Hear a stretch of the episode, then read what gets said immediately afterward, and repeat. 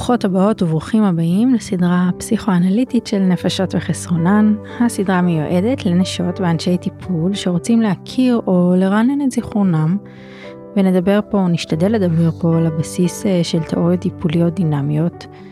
אה, כמובן שגם אנשים שאינם אנשי טיפול מוזמנים ומוזמנות להאזין. פרק זה ושאר הפרקים בסדרה זמינים להאזנה, הורדה והפצה באתר שלי noamgreen.co.il וגם באפליקציות התומכות.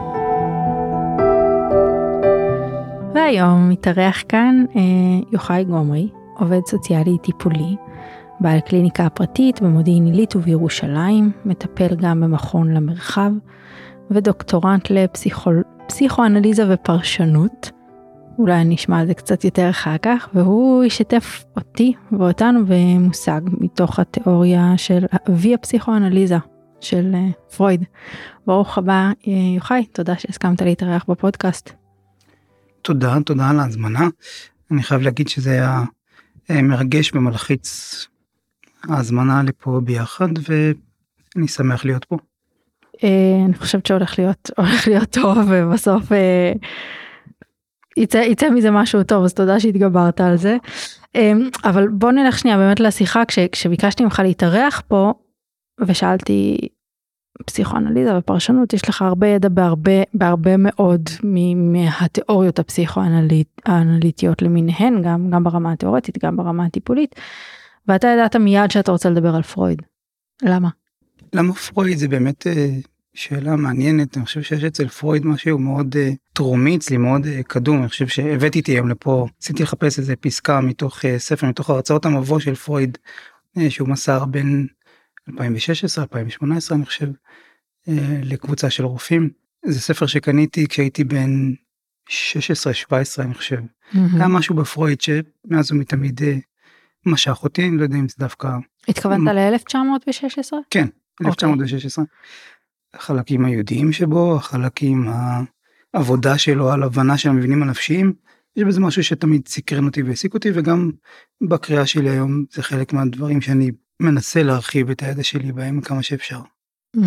והמושג שבחרת לדבר עליו הוא העל ביתי, שאני לא מכירה בכלל, אה, גילוי נאות, אולי קראתי עליו ככה טיפה לכבוד, ה... לכבוד הפרק הזה והבנתי כמה אני לא מכירה, אז מה הוא? העל ביתי. העל ביתי זה אה, מאמר שפרויד כתב במקביל פחות או יותר באותם שנים 1918 וב-19 יצא המאמר החשוב שלו השני מעבר לעיקרון העונג. אה, הכתיבה שלו הייתה במקביל גם לזה אני חושב שיש משהו אניגמטי בעל ביתי גם במאמר של פרויד וגם במושג עצמו יש בזה משהו מושך ומסקרן ובאיזשהו פרק זמן בחיי לפני הרבה שנים אה, נתקלתי בזה גם ברמת החוויה גם בתחושה עצמה שזה מייצר וגם במושג עצמו והתחלתי לקרוא על זה ולקרוא את זה וזה עניין אותי. מתחבר מאוד לפרק זמן מסוים בחיים שהייתי בו. ואם אני אספר עליי, אני אנסה להרחיב טיפה על המושג עצמו, על העל ביתי, אז המקור של זה, האמת שבשנים האחרונות התרגום של, של המילה בגרמנית, שאני בטוח שאני לא אומר אותה, הוגה אותה נכון, המילה, המילה עצמה היא אונהיימליכה, בטוח שזה לא נשמע מדויק אבל זה המילה. התרגום הקודם של המילה הזאת, התרגום העברי הקודם לפני התרגום הנוכחי של רסלינג, אה, זה היה נקרא המאוים. בעצם אנחנו זאת נמצאים... זאת אומרת לא אמרו על ביתי קראו לזה מאוים. כן. ויש איזשהו ממשק בהחלט. בין העל ביתי והמאוים זאת אומרת זה זה ביחד זה זה משלים.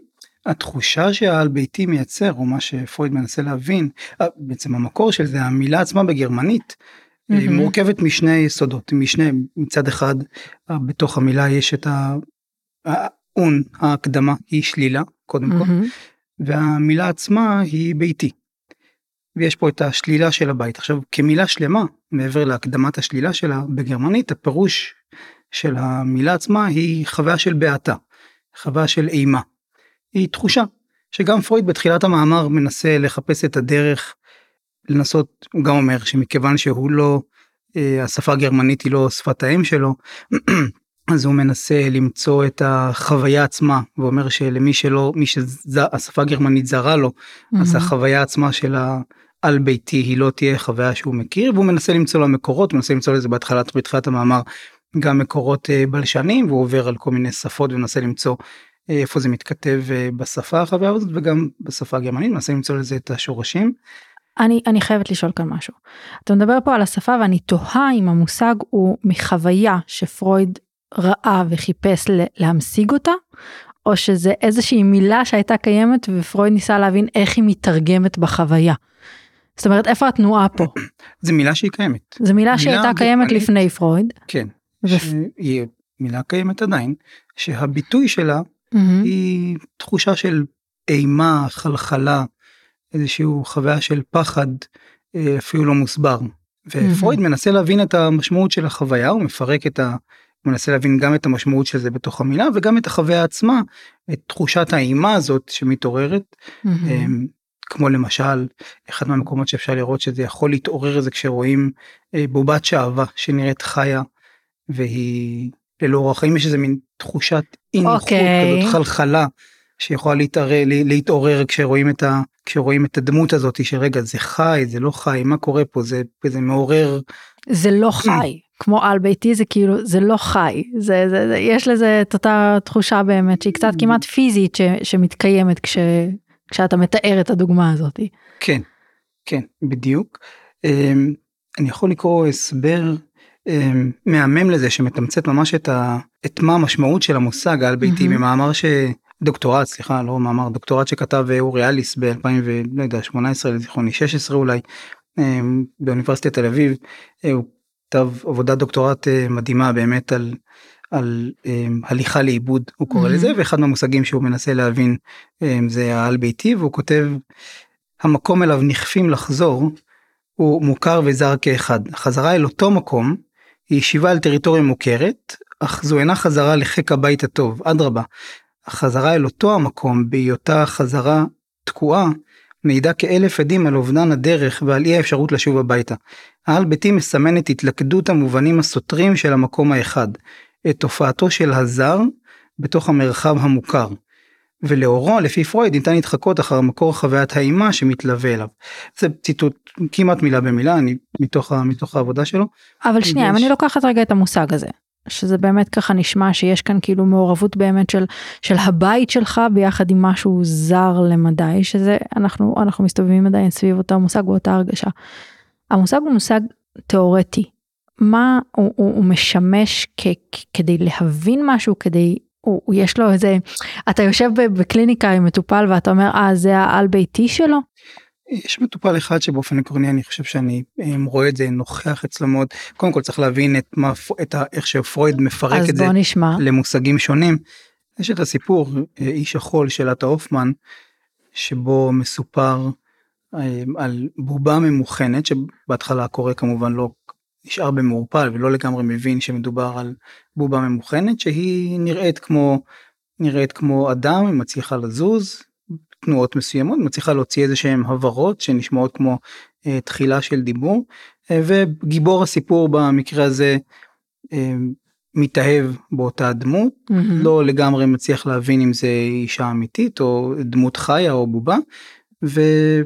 ובסופו של אותו תהליך הוא קופץ מאיזה מגדל ומת אותו גיבור של הסיפור של עטה הופמן וארנס יאנץ' הפסיכיאטר מנסה להבין את החוויה הזאת של העל ביתי. הוא מבחינתו חושב שבתוך הסיפור הזה הקריאה של הסיפור על הבובה היא בעצם חוויה של על ביתי חוויה של האונהיימליכן הזה והוא מנסה להסביר את זה בדרכו והוא מייחס לזה איזושהי אי ודאות אינטלקטואלית כשהקורא לא מצליח להבין אם הבובה המאוחנת הזאת היא חיה בובה זזה מדברת אה, וזה מבחינתו ההסבר לזה הוא מסביר ככה גם את אותו חוויית אימה שאנחנו פוגשים כשאנחנו רואים מישהו שסובל ממחלת הנפילה אפילפסיה ופתאום mm-hmm. מתעורר איזושהי אימה של בתוך ההתקף הזר הזה שרואים אדם זר שמקבל איזשהו התקף אפילפטי ומה מה, מה, מה קורה פה זה מעורר מעורר איזה חוויית אימה כזאת ואותו דבר גם כשרואים אה, אנשים שמתמודדים עם מחלה נפשית באמצע הפסיכוזה זה גם יכול להיות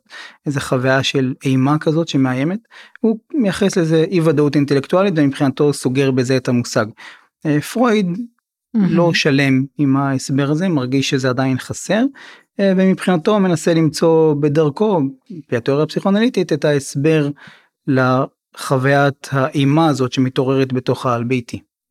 אז יש לנו סיפור וסביב הסיפור הזה מנסים להסביר כאילו הסיפור הוא כשהפסיכיאטר קורא אותו וכשפרויד קורא אותו הם שניהם יש להם איזושהי חוויה שהסיפור בעצם מתאר איזושהי איזשהו משהו שהם מכירים משהו שהם יודעים שהוא קיים.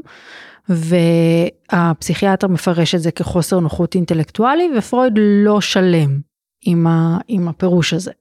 אוקיי.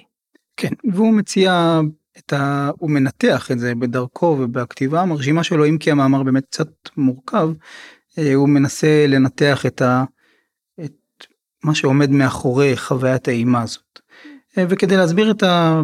להסביר את התחושה הזאת את העל ביתי את החוויה של אה, משהו שהוא זר ומוכר בבת אחת ואת חוויית האימה שהוא יכול לעורר הוא מסביר בדרכו על פי שני יסודות בתיאוריה הפסיכונליטית שהם יסודות מרכזיים מאוד גם בחשיבה שלו וגם בעבודה, בעבודה הטיפולית. והם אחד זה אה, עיקרון ההדחקה mm-hmm. שהנפש משתמשת בה באופן תדיר. ועם מושג השני שנלווה אליו זה כפיית החזרה. Mm. שהוא מחבר את שני המושגים האלה ומלכד אותם ביחד, זה יוצא שבעצם אדם בסופו של דבר פוגש דברים מודחקים שנמצאים איפשהו בעבר והוא הרגיש איזושהי אי נחת מהם, הוא הרגיש מהם, זה, הוא ניסה להדחיק את זה ולא רצה לפגוש את זה שוב, זה היה משהו שהוא לא מסוגל להתמודד איתו, וכפיית החזרה מכריחה ממילא שגם דברים מודחקים ינסו mm-hmm. למצוא את דרכם בחזרה החוצה ויעלו שוב ושוב ושוב ושוב, וכשאדם פוגש את את אותו דבר שהוא אי פעם ניסה להדחיק והוא צף שוב מחדש.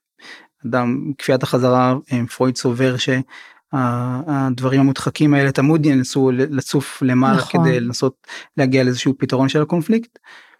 אה, כשהוא פוגש את שני המושגים האלה שמתלכדים אחד לשני נוצרת החוויה של חוויית האימה הזאת. אז חוויית האימה היא בעצם אה, איזשהו זר שמתפרץ בתוכך אבל הזר הזה הוא מאוד מאוד מוכר כי זה בעצם שלך כי הוא בעצם חלק מה... ממי שאתה. בהח... אני חושב שבהחלט אתה מוזמן לדייק אותי. את זה ככה אני חושב שבהחלט אפשר לראות את זה ככה. כי יש כאן אני אני שומעת כל הזמן באמת את המעבר בין הזר למוכר זאת אומרת זה לא זר מוחלט התחושה על ביתית זה לא תחושת זרות בהכרח כי אתה נמצא במקום מוכר התיאור הוא לא הבובה הזאתי בסיפור על איש החול היא לא בובה של של של חייזר לצורך העניין, היא, היא בדמות אדם. זאת אומרת, זה המוכר, אבל ה, זה קצת מוזר לדבר על זה בימים של בינה מלאכותית, והזר והמוכר כבר כאילו נמצאים במקום אחר, אבל אני, אני מתכוונת, אז הדמות היא אותה דמות, הדמות היא מוכרת.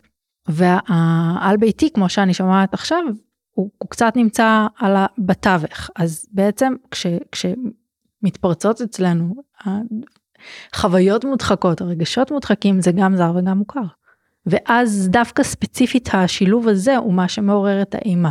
כן, בהחלט, אני חושב שזה האופן שבו אני מבין את זה. Mm-hmm. אני חושב שכשהזכרת את, אה, את הבינה המלאכותית אפשר לראות את זה בחוש, והאמת היא ששם זה באמת מעורר בעתה, לא יודע אם יצא לך לראות סרטונים של, אפשר לשלוח לבינה המלאכותית תמונה ואיזשהו אה, טקסט קצר של מלל, תמונה שלך, mm-hmm. והבינה המלאכותית מייצרת את אותה תמונה. אתה בעצם, אתה יכול לשלוח אפילו תמונה אישית okay. שלך, אוקיי. הבינה המלאכותית מייצרת אותך בתמונה אומר את אותו טקסט שאתה שולח. ולראות את הדבר הזה, לראות אדם אחר, אפילו לראות תמונה של מישהו אחר שעושה את זה, זה באמת מעורר בעתה לרגע, כי אתה מצד אחד רואה שזה, שזה אותו אדם מדבר, אבל אתה רואה שזה לא, לא אותו אדם מדבר, יש שם משהו שהוא באמת, אה, דווקא הבינה המלאכותית ממש אה, אפשר, מאפשרת להיפגש עם המושג הזה אה, בנקל.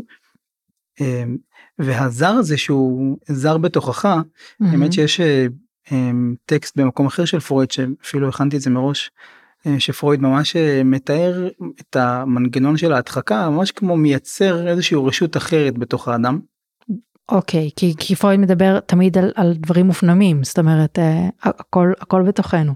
כן, mm-hmm. וזה ממש הופך להיות איזה מין, הוא לא אומר את המילים האלה רשות אחרת, אבל זה ממש הופך להיות זה ממש הופך להיות אה, חלק נפרד הוא כותב לשאלת אנליזה שאינם רופאים בידי מי שאינם רופאים הוא כותב כל אדם יודע שקיימים אצלו דברים שאינו שש לספר, שאינו לספר עליהם לאחרים או שאמירתם אינה באה כלל בחשבון. הדברים האינטימיים שלו ליבו אומר לו גם ומשמעות הדבר התקדמות פסיכולוגית ניכרת בהכרת עצמו שיש דברים אחרים שהוא ממאן להודות בהם בפני עצמו שהוא מעדיף להסתיר מעצמו ולהפסיק באחת ולגרש את מחשבותיו אם רק יצוצו ויעלו. זאת אומרת, זה ממש המנגנון של ההדחקה הוא ממש לקחת חלקים שאנחנו לא רוצים להתמודד איתם ולקבור אותם איפשהו למטה אה, במקום שגם לעינינו לא יהיה ניכר. Mm-hmm. ההתלכדות של שני המושגים האלה ביחד היא זאת שמאפשרת לרגע לפגוש גם את המוכר וגם את הזר באותו אה, וגם את החרדה או האימה או הבעתה שמתעוררת אה, עם, עם המפגש הזה. זה מעניין מאוד הזכרת לפני כן רשות וגם קצת הקראת וזה הזכיר לי טיפה אה, אה, ניגון של לימוד אז אני אני הולכת שנייה למקומות אה, למקומות שלנו. איפה אתה מוצא חיבור בין העל ביתי הזה במקורות שלנו איפשהו? אני חושב או פרשנות ש... למקורות. פרשנות למקורות מבחינתי אני רואה בזה שתי כשמסתכלים על העל ביתי אז יש פה שתי תנועות תנועות נפשיות מצד אחד איזושהי התכנסות פנימה mm-hmm. הדחקה זה הופך להיות כלפי עצמי יותר ויותר. אמ, והכפיית החזרה או היציאה של זה החוצה או דברים שרוצים להתפרץ ממני החוצה הם שוב אה, תנועה כלפי חוץ. תנועה כלפי חוץ. ואת שני המקומות האלה לפחות אני יכול למצוא בשני אה, שני שירים של אה, שני פיוטים שכתב איבן גבירול. Mm. ואחד מהם מאוד מוכר אומרים את זה לזיכרוני בסליחות ליום קיפר. אפשר mm. לראות את זה טקסט שאנחנו שגור אפילו מפניך אליך אברח. התנועה שמצד אחד אנחנו וחוץ. אנחנו אנחנו בורחים מהקדוש ברוך הוא מצד אחד כן בורחים מהחטא בורחים אה, מהעוון שאנחנו עושים ומעיניו הבוחנות של הקדוש ברוך הוא אבל אה, מבינים שאין לנו לאיפה לברוח אנחנו אין לנו ממי, מאיפה אנחנו, אנחנו לא יכולים להסתתר ומי באמת יכול להגן עלינו זה רק הוא בחזרה. Mm-hmm. אז זה מין תנועה בחזרה של אני מפחד מזה אבל מצד שני רק אתה יכול להיות uh, המציל שלי. Mm-hmm. רק אתה יכול uh, להגן. זה צד אחד זה זה התבוננות אחת אני חושב שכשחושבים על ה... כשאני חושב על, על ביתי על החוויית המאיים הזה אז מה שקורה שם זה שנשמטת הקרקע אתה מוצא את עצמך פתאום זה כאילו שחושבים ממש על, על בית mm-hmm. ועל כשאתה אפילו חושב על המושג הזה על אפשר לקרוא את זה גם אל הבית כשאתה הולך אל הבית והבית מבחינתך הופך להיות דבר זר או mm-hmm. יש משהו בתוך הבית שמבחינתך הוא אה, מנוכר ומאיים אז זה כאילו שהקרקע שה, הבסיסית שאתה עומד עליו המקום מבטח הכי עיקרי שלך הוא קורס לתוך עצמו. Mm-hmm. המקום שבו הוא אמור הכי להגן עליך אם הוא בעצמו לא מגן עליך אז ממש הקרקע נשמדת מתחת לרגליים. זה כאילו ממש חוויית האימה היא כזאת שממש אין לך בסיס לעמוד עליו אין לך שום דבר בטוח או כאילו משהו ממש נשמט. Mm-hmm. וזה צד אחד של התנועה החוצה היא כאילו היא הפוך זה תנועה פנימה זה ממש קריסה לתוך. הצד השני של זה מה שאמרתי מקודם מפניך אליך אברח זה כשאתה יכול לעשות משהו עם הדבר הזה. אתה מצליח לעמוד על, על אותו קרקע היא לא היא לא היא לא קורסת לתוך עצמה היא לא היא לא משתתקת. כשהבאת את הדוגמה של מפניך אליך אברח אז שאלתי כאילו שאלתי את עצמי למה זה, יש בזה כאילו לפחות בתחושה שלי כבן אדם שאומר גם את המילים האלה לפחות כל שנה אם לא יותר אז יש איזה באמת כאילו איזה תחושה דווקא של חמלה סביב המשפט הזה ולא ולא בהכרח תחושה של אימה. ואני מנסה להבין כאילו ב, ב, ב, בין הפנים לחוץ בין ההתנהלות הזאת בין ההתכנסות פנימה וה, אה, וה כן כאילו זה ש, ש, שדברים קורים בכל מקרה כי הם יוצאים החוצה. אז העל ביתי הוא, הוא החרדה ש, שמתקיימת לקראת משהו, אם היא, היא כ, כ, כתנועה נפשית ש, שקורה במהלך שהולך לקראת איזשהו איזון בין, בין, ה, בין ההכחשה לכפיית החזרה, בין, אני שואלת אם באמת כאילו זה, זה באמצע, אם זה מושג שנמצא בדרך ל. אני דווקא חושב שלא, לא, זה mm-hmm. לא נמצא בדרך ל. זה uh, תנועה שהיא הולכת הפוך, היא, היא קורסת החוצה. כשאני מסתכל על הר ביתי, mm-hmm. מפניך אליך אברח שהבאתי של, אה, של אבן גבירול, הוא מבחינתי התוצרת אחרת של אותו מושג. מבחינת פרויד או מבחינת ההבנה של המושג, אז הקריסה היא באמת כלפי פנים. מהמם. האימה הזאת היא באמת אימה שדוחפת אותך אחורה, לא קדימה. הווה אומר פסיכוזה? כאילו כדוגמה, לא בהכרח. יכול להיות, אני לא, לא בטוח שזה... הלכתי רחוק מדי. כן, כן, אני חושב. זה מעורר אה, אימה כזאת שהיא שומטת לך את הקרקע מתחת הרגליים, שממש לא משאירה לך מקום. אה, אני יכול לראות את זה אצל מטופל שלי, ששם זה באמת מלווה אותו הרבה מאוד זמן. אה, מישהו שבחור חסיד, נשוי, שמבחינתו הדבר שהוא הכי שמח עליו כל החיים, מהמם. שזה מעבר להורים שלו, זה הרבה שלו, איכשהו משהו קרה במשך השנים והוא לאט לאט גילה שהרבה שלו הוא לא אדם אמין מבחינתו. והדבר שהכי מציק לו זה שהוא מנסה לחזור אליו היום, מנסה לחזור לבית מדרש שלו ומנסה להיות שם בטיש ובסעוד, ב- בתפילות, ב- בימים נוראים ובחגים, וכל פעם מחדש כשהוא רק חושב על זה שהוא צריך להיות אצלו בחזרה בטיש או להיכנס ל, ל, ל, לבית הכנסת להתפלל שם בימים נוראים, זה מבחינתו שוב מעורר אצלו את, את אותה חוויה של אימה, את אותו חוויה של על ביתי. מבחינתו האדם שהוא הכי הרבה יכל לסמוך עליו, הוא כבר לא יכול לסמוך עליו יותר. מהמם. והדבר הזה מעורר אצלו אה, חוויית אימה שמלווה אותו למשך כל חייו כבר כמה שנים.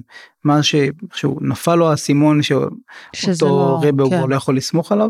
אה, וזה נסיגה אחורה, מין תנועה של נסיגה אחורה. מהמם. אני חושב שאותו אותה תנועה נפשית של פנים וחוץ יכולה להתבטא בצד אחד בנסיגה אחורה מהמם. וזה העל ביתי.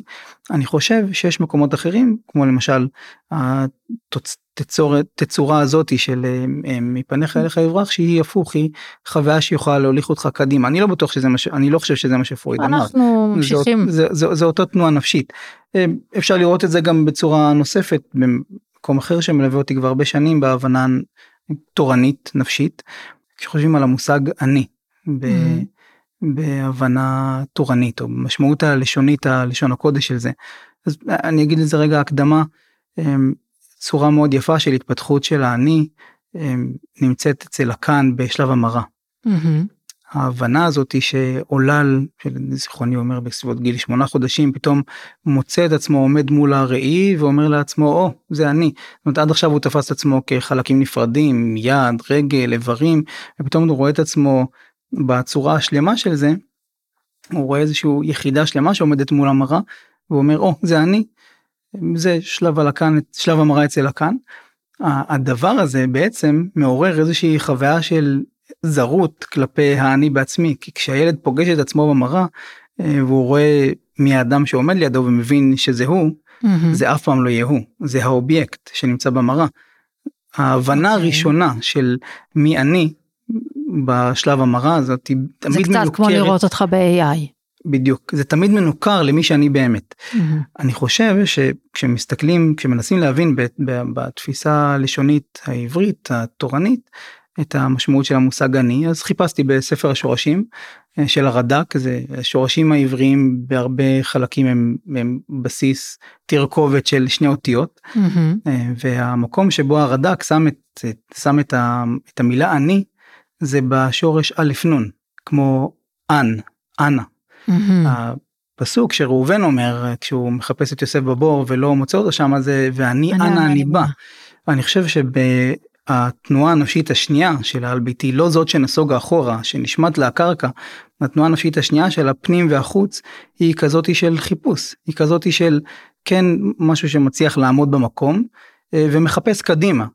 אה, הבירור הזה של שלב המרה הופך להיות מצד אחד מנוכר לאני כי אני תמיד כל פעם שאני מצליח להבין מי אני זה שעומד במראה מי זה מי אני שהאחר רואה אותו מי, מי אני שפתאום מקבל איזשהו אה, תפקיד או איזשהו זהות מסוימת אה, מוגדרת ואז אני יכול להגיד אוקיי זה אני ואז אתה אומר רגע לא לא באמת אני יש עוד חלק זה לא באמת אני מהמם. אז אה, אותו הבירור מצד אחד הוא יכול להיות מנוכר לעצמך אבל אותו הבירור כמו ראובן ואני אנה אני בא.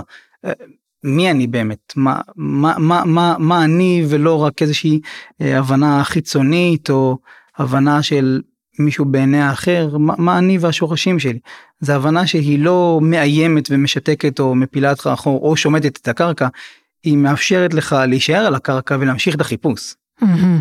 להמשיך את ההתבוננות הזאת. אוקיי, אתה, אתה אמרת מראש שאולי אה, פרויד לא יחתום על ההמשך הפרשני, אבל עכשיו זה גם מאוד מאוד מסתדר עם ה... מפניך אליך אברח, כי באמת יש תנועה שהיא לא רק, אה, אה, יש גם את, ה, את, ה, את האברח הזה על ללכת ו, וכאילו איזושהי פעולה שהיא אקטיבית מסביב לזה ולא רק משהו תחושתי שנמצאים בתוכו. זה תוך כדי שאתה תיארת את זה אז אני שאלתי את עצמי אני עובדת עם, עם תיאורית התקשרות בקליניקה ובעולם הטיפולי שלי ושם אני פוגשת אה, לפעמים אנשים מבוגרים שלא היה להם בית.